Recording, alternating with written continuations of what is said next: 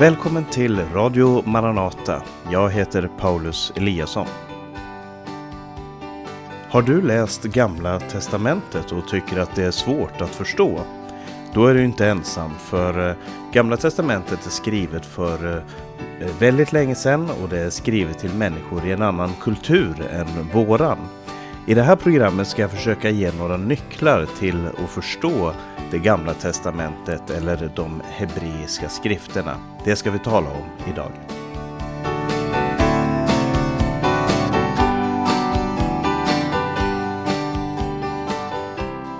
Om du öppnar din bibel vid innehållsförteckningen i början av bibeln så kommer du se att bibeln är delad in i det som kallas för Gamla testamentet och Nya testamentet. 39 böcker i det gamla testamentet och 27 i det nya. Eh, det är en indelning och en benämning som faktiskt inte är ursprunglig för Bibeln. Eh, från början så fanns det ingenting som hette Gamla Testamentet. Det var ett uttryck som dök upp på eh, under tidig kristen tid, men som inte var ursprunglig. Och faktum är att den ordningen som vi har på de 39 böcker som vi har i Gamla Testamentet är inte heller ursprunglig. Den stammar ifrån en grekisk översättning, en väldigt tidig grekisk översättning av Gamla Testamentet som heter, eller som kallas för Septuaginta. Och eh, därför så kan det vara av intresse att se vad som är skillnaden och vad Eh, hur Bibeln var satt ihop från början, det kan vara en nyckel till förståelse av Gamla Testamentet. Och för det första, eh, jag tycker själv inte så mycket om uttrycket eller orden Gamla Testamentet och Nya Testamentet. Jag refererar oftast till det som de hebreiska skrifterna, de grekiska skrifterna eller de heliga skrifterna och så vidare. Eh, det är inte ett bibliskt uttryck och det kan vara Ehm, en, en eh, barriär för människor när de tänker på det gamla testamentet för att det har mm, kanske negativa konnotationer. Men hur den är med den saken så ehm, är vår bibel indelad efter genre så som den ser ut idag i det gamla testamentet. De hebreiska skrifterna är indelade i genre. Du har först de historiska böckerna fram till Ester. Och sen har du de eh, poetiska böckerna. Och till sist har du de profetiska böckerna. Det finns alltså tre kategorier av skrifter i, eh, i de hebreiska skrifterna i vår indelning. Så såg det inte ut ifrån början. Eh, I den hebreiska skriften så har man delat in den också i tre olika delar. Eh, men där talar man om eh, där talar man om lagen eller Toran. Man talar om eh, skrifterna och man talar om profeterna. Egentligen i en annan eh, ordning. Man talar om eh, eh Toran, man talar om profeterna och skrifterna. Eh, det här kallas med en, med en akronym för Tanach, eh, som är en förkortning för Torah, Neviim och Ketuvim. Neviim betyder profeterna, Ketuvim betyder skrifterna. Och för att förstå vad eh, de hebreiska skrifterna är som vi har i vår bibel så kan det vara bra att förstå varför de är skrivna. Eh, jag ska inte gå in så mycket på historien om hur eh, bibeln kom till, men eh, man kan säga att eh, eh de hebreiska skrifterna är en profetisk tolkning eller en gudomlig tolkning av Israels historia. Det är, eh, det är alltså eh, historia berättad, kan vi säga, ifrån Guds perspektiv. Och det börjar med, eh, om vi ska börja att förstå de hebreiska skrifterna så måste vi förstå att det är visdomstext. det är text som är skriven för att leda oss till visdom. Aposteln Paulus säger till sin lärjunge Timoteus att du känner sedan barndomen de heliga skrifterna som kan göra dig vis till frälsning. Det är målet för skrifterna. Och när Paulus talar om skrifterna så menar han det som vi kallar för Gamla Testamentet, Tanach. Eh, han, och han säger att de här skrifterna de kan göra dig vis till frälsning. Eh, för att problemet tror jag många gånger är att vi läser skriften och så missförstår vi varför den är skriven och då kan det vara svårt att förstå vad som är syftet med det som står. En del läser Bibeln som en lagtext och blir överraskad över att det verkar inte som att allt är lagar, det verkar inte som att allt är instruktioner. Vissa läser den som mytologi, men då blir man överraskad för att det är väldigt mycket där som, som inte stämmer överens med den genren. Eh, och, och jag tror att många missförstår vad Bibeln är just därför att man inte känner till vad som var syftet med att den blev skriven.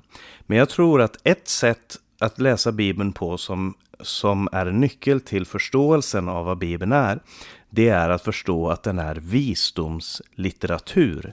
Eh, inte bara de skrifter som vi vanligtvis kallar för visdomslitteratur som Jobb, Ordspråksboken och Predikaren och kanske Höga Visan. Men hela skriften är menad som visdomslitteratur. Och den börjar med eh, de, det som vi kallar för de fem Moseböckerna eller Torah. Torah betyder egentligen undervisning och det är intressant för att eh, det är inte undervisning kanske så som vi tänker oss undervisning i en skola eller en, en inlärning på det sättet, utan det är undervisning som framför allt berättas i historieform.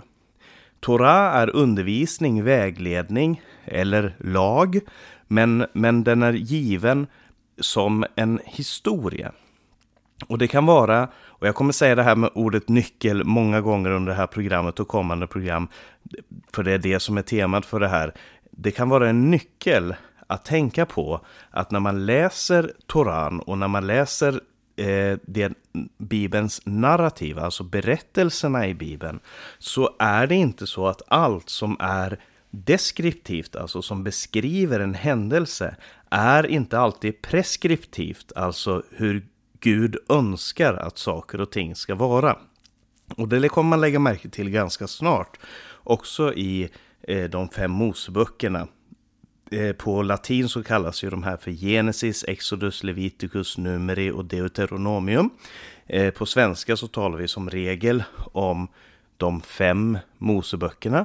Och på hebreiska så har de namn som bygger på det första ordet i eh, varje bibelbok.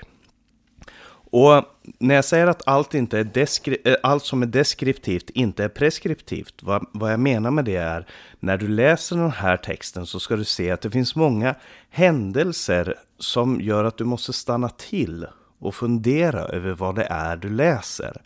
Det finns mycket i berättelsen, berättelserna i Gamla Testamentet om Josef, om Mose, om Abraham, om Noa och så vidare som gör att man måste stanna till för att det finns ingen som är perfekt. Man kan inte bara ta en person i Bibeln, eh, i Gamla Testamentet och så säga att ja, men han här är en modell. Kung David, han, så vill jag leva.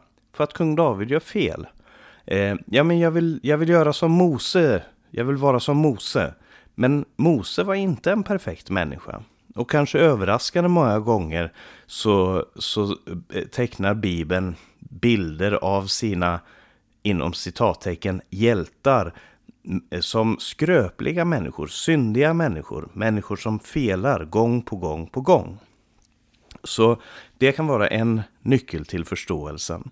En annan sak som man ska lägga märke till det är att det finns väldigt många mönster i Eh, de hebreiska skrifterna i Tanach. Och eh, de här mönstren, de kommer tillbaka gång på gång och de är inte eh, anvisade i texten, men det är ord som kommer tillbaka flera gånger. Så när du lägger märke till en speciell formulering, när du lägger märke till ett, ett märkligt, eh, en märklig formulering så kan du tänka på var någonstans kommer det här ifrån?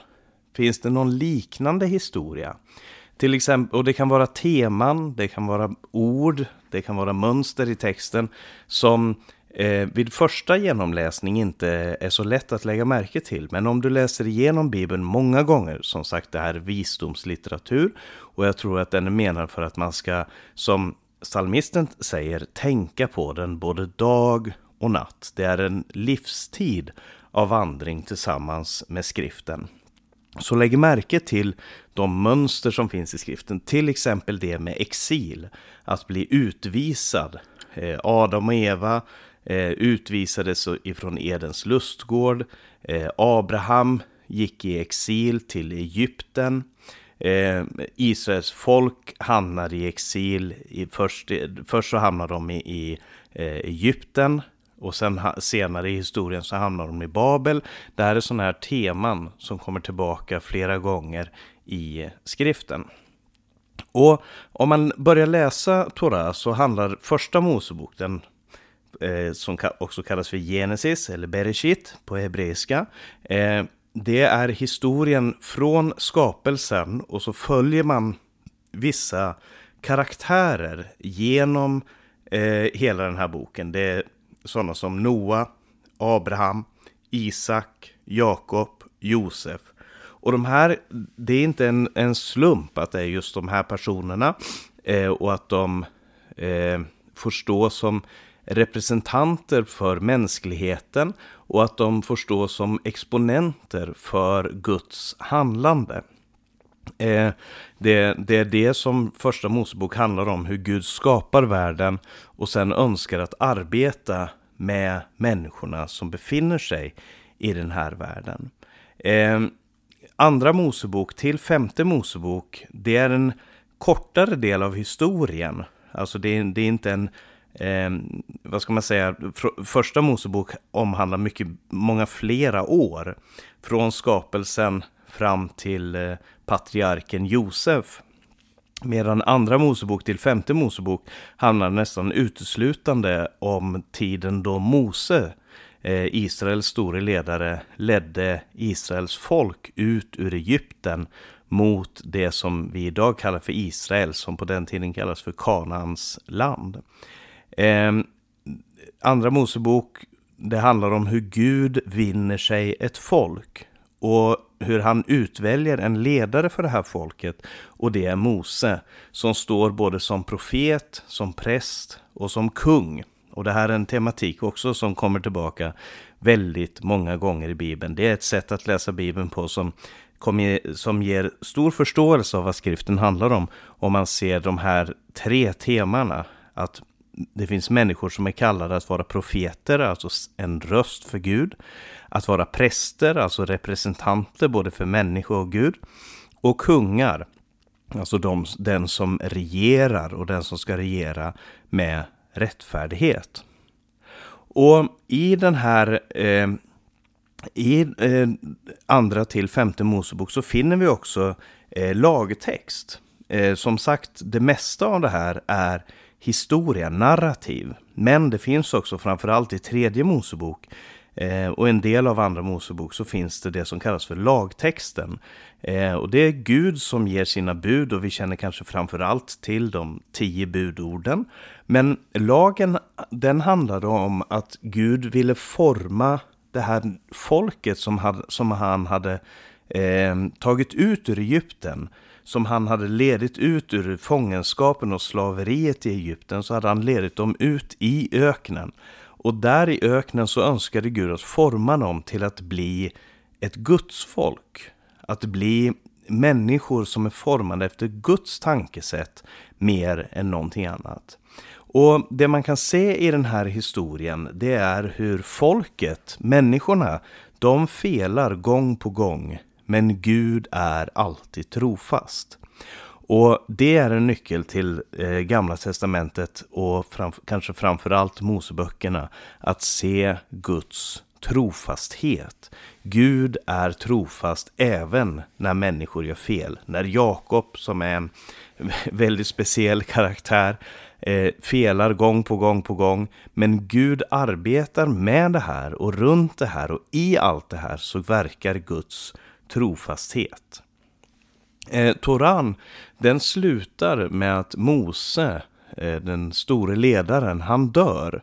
Den här profeten, prästen och kungen som han stod som, han, han dör. Eh, och så slutar den med att han också säger att efter mig så ska det komma en annan, en profet som mig. Och den här profeten, den väntade man på. Och den, de fem Moseböckerna, Torah, den eh, leder fram emot det här, den här längtan efter en ny Mose. En, en som inte dör som Mose gör. Det leder fram till en längtan efter en bättre Noa, en bättre Abraham, en bättre Isak, en bättre Jakob och en bättre Josef. Och kanske framförallt en bättre Adam, för att berättelsen börjar ju med Adam som faller. Och det är Torah i, i väldigt, väldigt korta drag. Och i, här, under de här programmen som vi ska ha så eh, den här serien som jag önskar att ha om en nyckel till de olika bibelböckerna så ska vi komma tillbaka till det självklart. Eh, den andra delen i den hebreiska bibeln kallas då alltså som jag sa för Neviim. Neviim betyder prof profeterna eller profeter. Eh, och kanske inte riktigt så som vi tänker profeter för att eh, vår bibel är också indelad med en del som handlar om profeter och det börjar med Jesaja eh, till Malaki. Och så har vi samlat alla de här profeterna och vi tänker oss profeter som, och jag tror att vi ofta tänker på profeter som de som ser in i framtiden. De som ser vad som ska ske och, och som berättar om vad som kommer hända. Det var inte så Eh, man såg på profeterna och, eh, på den tiden. Och det kan man framförallt se i att eh, profetböckerna, Neviim, börjar inte med Eh, de här typiska profeterna. Det börjar inte med Jesaja och Jeremia. Det börjar med Josua. Alltså berättelsen som sker rätt efter Toran. Josua, Domarboken, Samuelsböckerna Eh, alltså de tidiga kungarna Saul och David. Eh, det, det, är det som, som eh, de här profetiska böckerna handlar om. Så profetia handlar inte framförallt om att se in i framtiden, men att se på samtiden med Guds ögon. Eller att se på historien med Guds ögon. Och det ska du se många gånger i Bibeln att eh, det, profet, eh, profetia handlar om att se på samtiden med Guds ögon. Och det är det som sker i Josua, domarboken och Samuelsböckerna. Att eh, vi får följa de här karaktärerna, först Josua och sen de, de eh, är det 13 om jag inte minns fel, olika domare. Eh, och sen i Samuelsböckerna så får vi möta hur nationen Israel får sina kungar. Men allting är berättat eh, på ett sätt ifrån Guds perspektiv. Inte så att Gud är jag-personen i berättelsen, men så att vi ser det här så som Gud ser det. Vi får det som är relevant utifrån Guds synsätt och vi får veta vad Gud menar är det viktiga och hans profeter menar är det viktiga i den här historien.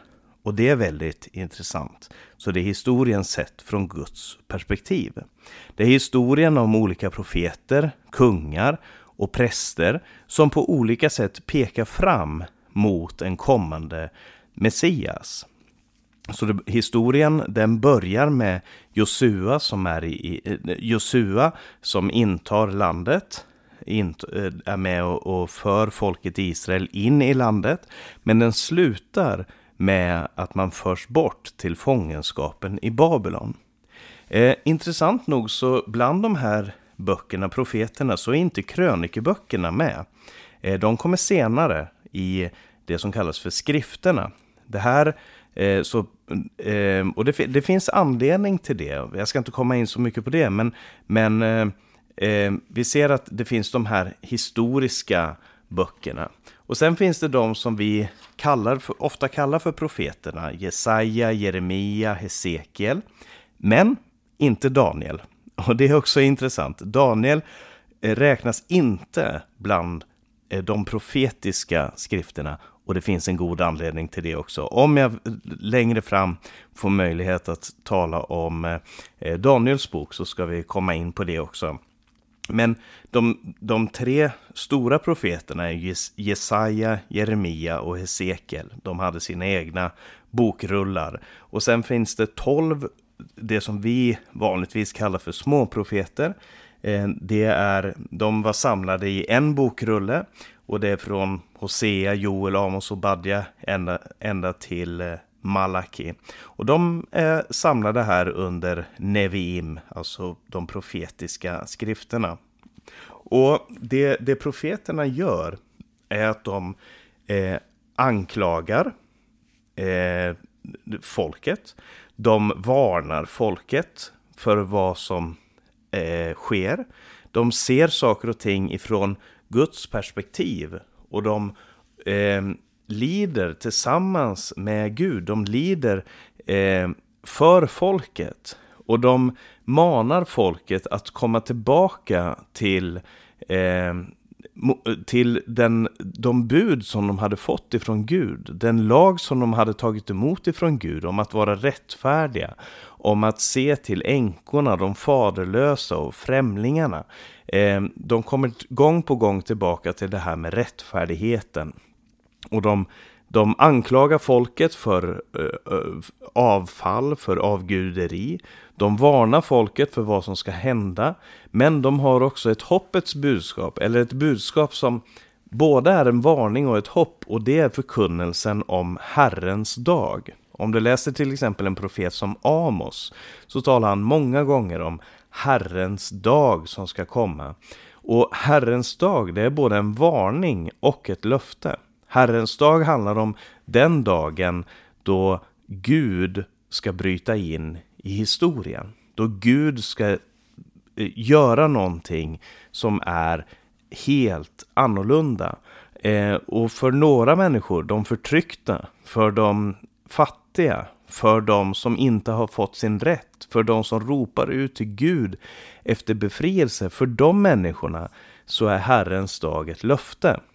Men för de människor som, som, eh, eh som Amos säger, sitter på sina sidendamaster och eh, slappnar av och tycker att allting är fantastiskt som det är. För de människorna så är Herrens dag en varning. Varför väntar ni på Herrens dag? Herrens dag är fruktansvärd, säger profeten ofta. För att människor sa att ja, men om bara Gud ville komma. Men om Gud kommer, och så, det är viktigt för oss att veta idag också. Om Gud kommer så kommer inte saker och ting att fortsätta att se ut som de alltid har gjort. Men alla de här profeterna, både de profetiska skrifterna som vi kanske skulle kallat för historiska, eh, Josua, eh, Domarboken, eh, Rut, eh, Samuelsböckerna, de, eh, både de och de här profetiska skrifterna, Jesaja, Jeremia, Hesekiel och de tolv småprofeterna, alla de pekar fram emot en som inte finns i de historiska böckerna. Man kan säga att profeterna går ju parallellt med, med de historiska böckerna, Samuelsböckerna, kungaböckerna eh, och också krönikeböckerna. Det, det, det är två historier som går parallellt med varandra. För profeterna talar till den tiden då kungarna regerade. Amos, eh, Hosea, Joel och Amos är de tidigaste profeterna antagligen. Eh, och de talade till kungariket Israel. Som, eh, Israel blev ju delat i två efter kung Salomo. Eh, och det nordliga riket kallades för Israel och det sydliga riket kallades för Juda. Eh, och de här tidiga profeterna, de profeterade mycket mot Israel och varnade dem för en eh, kommande fara. Och den faran var Assyrien som förde Israel bort i fångenskap i Assyrien. Och senare profeter talade samma budskap till Juda, eh, men då varnade man för den kommande faran som var Babylon. Babylons kung Nebukadnessar, som också kom eh, till slut, det berättar både historien och profeterna berättar om när Israels folk fördes bort i fångenskap i Babylon. Men i den här historien, i de profetiska skrifterna, precis som femte Mosebok, Deuteronomium, slutar med att Mose ger den här profetian och talar om att det ska komma en annan ledare att det ska komma en annan. Han pekar framåt mot någon som ska komma. Så talar också alla profeterna på ett eller annat sätt så pekar de fram emot en kommande kung. Eh, de, de har ett budskap som inte bara handlar om Herrens dag då Herren ska gripa in. Eh, men när de beskriver den här Herrens dag så säger de att alla folk ska komma till Jerusalem. Alla folk ska samla sig till Jerusalem och det var Guds tanke från början att alla folk skulle få uppleva den välsignelse som Gud hade gett till Abraham. Alla folk ska komma till Sion, eh, alla folk ska komma till den kung som regerar i Sion och där ska de finna välsignelse. Det är en, en, en nyckelförståelse av de profetiska skrifterna. Se det här hur det formuleras på så många olika sätt. Människor från alla folk och stammar ska komma till Sion. De ska komma till den kungen som regerar där och de ska finna välsignelse där. Det är en eh, väldigt viktig, ett väldigt viktigt budskap. Och vi som tror på, på Jesus, som har Eh, de grekiska skrifterna, som har evangelierna, Matteus, Markus, Lukas, Johannes och som har alla apostlarnas skrifter som Jesus ifrån Nasaret gav till sina lärjungar. Vi vet att uppfyllelsen av det här det finns i Jesus. Och det är därför som det är så otroligt viktigt för, eh, med Gamla Testamentet, med de hebreiska skrifterna. Eh, vi har en del kvar och det är Ketuvim, eller skrifterna. Och jag tror att vi ska vänta med den till nästa program och så ska jag säga någonting mer om det och om hur Gamla Testamentet kom till i nästa program som sänds nästa tisdag. Men jag ska bara avsluta med att säga det här att eh, gamla, vi får inte glömma hur viktigt det är med det gamla testamentet. Hur viktigt det är för förståelsen av vem Jesus var. Förståelsen av eh, i vilken situation eh, som, som han förkunnade. Förståelsen av eh, hans död och uppståndelse. Allt det hämtas ifrån gamla testamentet. Det är ett, inte bara ett tankegods men det är en hel tankevärld som hämtas ifrån eh, de hebreiska skrifterna. När Jesus kommer gående längs den galileiska sjön och Johannes döparen ser honom och säger Se Guds lam som tar bort världens synd. Så, så knyter det an till hela eh, de hebreiska skrifterna. Alla de skrifterna som de hade läst i hundratals år. Alla de skrifterna eh, hämtar Johannes inspiration ifrån. Det handlar om, om eh, den eh, syndabocken som man, som man offrade på försoningsdagen. Det handlar om salm, salmerna som talar om Herren är min herde. Den, det handlar om så otroligt mycket. Som, och, och det gör det... Eh, varje vers i Nya Testamentet är nästan som en... Så, den har så många kopplingar till det som Gamla Testamentet förkunnar och därför är det så viktigt att vi som Guds folk läser också det gamla testamentet. Jag ska avsluta med de orden och så ska vi fortsätta med det här nästa vecka. Vi lyssnar till en sång. Ordet om korset